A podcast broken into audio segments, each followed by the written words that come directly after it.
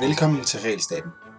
Dette bonusafsnit det er en optagelse af P1 Debat, hvor jeg havde en 5 minutter lang monolog om, hvorfor nedlukningen ikke virker, og hvorfor de studier, som hævder, at nedlukningen virker rigtig, rigtig godt, de øh, ser på det forkerte data i forhold til at besvare det interessante spørgsmål, om statens indgriben havde en stor effekt eller en lille effekt i forhold til at bekæmpe pandemien.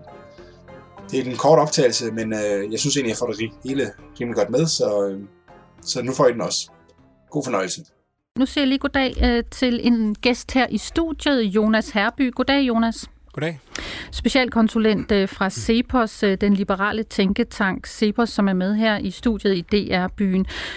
Du, Jonas Herby, har jo kigget en del på de der studier, det har din tænketank Cepos også, studier, der sammenholder effekten på coronaepidemien og smitten, når vi taler restriktioner i forhold til frivillig adfærd, og altså dermed en, en opbakning fra befolkningen. Hvad er det, du har kigget på der? Man kan sige, i bund og grund så findes der to typer af studier. Der er den type gruppe studie, som kigger på samfundets samlede respons. Og så de viser helt grundlæggende, at det, det betød noget, at vi som samfund gjorde noget for at håndtere pandemien i foråret. Øh, at det var med til at bringe pandemien ned. Og så er der en anden øh, klasse af studier, som ser på, hvad var det så for en del af samfundets respons, der betød noget. Og de peger også næsten entydigt på, at det er befolkningens frivillige adfærd. Altså det, at vi øh, holdt op med at se andre familier i foråret, selvom det faktisk var tilladt.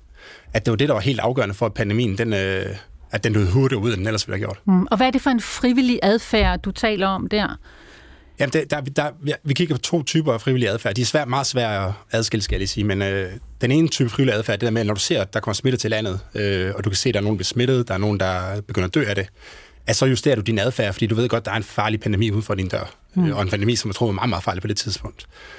Øh, og derudover så er det den adfærd, som det offentlige ligesom kan tilskynde os til at gøre. Altså, vi, jeg tror, der er mange, der oplevede, at i, i foråret gik man ligesom og øh, tænkte, hvad er, det, hvad er egentlig det rigtige at gøre nu? Øh, skal jeg skal jeg blive hjemme? Skal vi holde mine børn hjemme fra børnehaven? Hvad, skal jeg lade være med at se andre mennesker? Og da så Mette Frederiksen hun trådte frem på øh, pressemødet der den 11. marts, jamen så ændrer vi alle sammen meget hurtigt adfærd. Øh, blandt andet Sebers lukkede jo kontoret i to måneder, øh, selvom vi ikke var tvunget til det. Altså din arbejdsplads gjorde ja, det ja, frivilligt? Så, der, så, ja. er noget, så man kan ligesom give sådan en tilskyndelse til at så øh, opføre sig på en bestemt måde for staten, når man står i sådan en usikker situation. Ja. Jeg tror også, man skal være forsigtig med at så trække det til, øh, eller til at trække det op til i dag, fordi dengang var det jo en meget usikker situation. Det var en mm. ny pandemi, som vi ikke rigtig kendte noget til. Øh, vi vidste ikke, hvor fejl den var, øh, hvordan den spredte sig og sådan noget. Det ved vi meget mere om nu, og vi har meget mere up-to-date med smittetal og sådan noget, så, så man kan bruge den der skræmme... Ej, nu vil jeg ikke kalde det skræmmekampagne, for det var det jo ikke, det var, men øh, den der... Øh, det der kraftige signal fra Mette Frederiksen, om det kan virke lige så godt igen, det, det, det er jeg usikker på. Det er du lidt usikker på, fordi hvad er,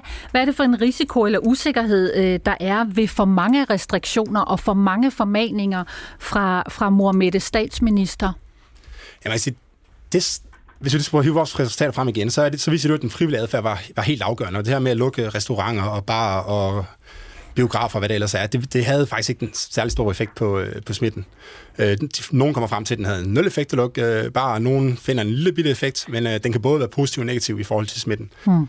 Øh, og man, så, så, så det er helt afgørende, at vi ligesom undersøger den her frivillige øh, adfærd. Øh, og det betyder at blandt andet sådan noget med opbakning til myndighederne er meget vigtigt. Øh, og alle, altså når man så går ind og så lukker ting ned, og folk synes, at det er problematisk eller unødvendigt, eller sådan, så kan man være med til at Ja, så frygter jeg, det er måske der er nok nogen, der ved mere om det er mig, men jeg, jeg frygter lidt, at man kommer til at så underminere myndighederne, eller tilliden til myndighederne, og så begynder folk at opføre sig som de selv har lyst til, og måske endda lidt i trods, hvis det er, de føler, at nu er minkavler mm. blevet trådt over mm. tæerne, nu er biograf øh, ejer blevet trådt over tæerne, nu er restaurationsejer blevet trådt over tæerne. Mm. Altså begynder man lidt at handle i trods, ligesom en uh, forsmået teenager, og det, mm. og det, det, skal, det skal vi for alle verden undgå.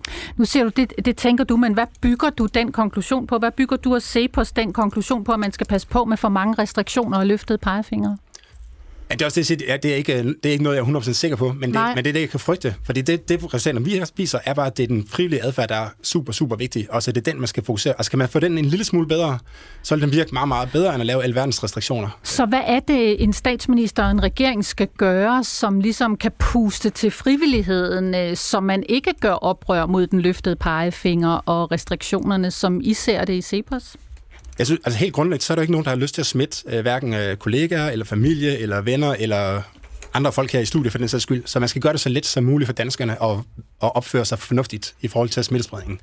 Øh, og det gør man blandt andet ved at have en meget, meget effektiv teststrategi. Den er den er, den er rigtig god i Danmark i forhold til andre lande, men det betyder ikke, at den ikke kan forbedres. Der er stadig tidspunkter, hvor der er meget, meget lang ventetid øh, mm. på at få et svar på en test. Øh, man kan også lave bedre kontaktopsporing, for hvis du er syg, så kan det være en uoverkommelig opgave at ligge og skulle ringe rundt til 10 øh, venner, øh, så, man, så kan man sagtens gøre mere for at forbedre.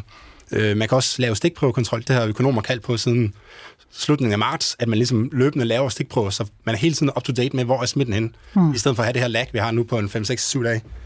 Øh, og så synes jeg også, det som Lone Simonsen sagde med at, øh, at fokusere mere på de her kviktest, så man hurtigt kan få lavet de her tester, hurtigt få svar. Øh, så er det godt ske, at de ikke er helt lige så sikre, men det vil, det vil have, jeg tror, det vil have en kæmpe effekt på, øh, på pandemiens udbredelse. Og det siger og mener du altså, Jonas Herby, som er specialkonsulent øh, fra den liberale tænketank Cepos.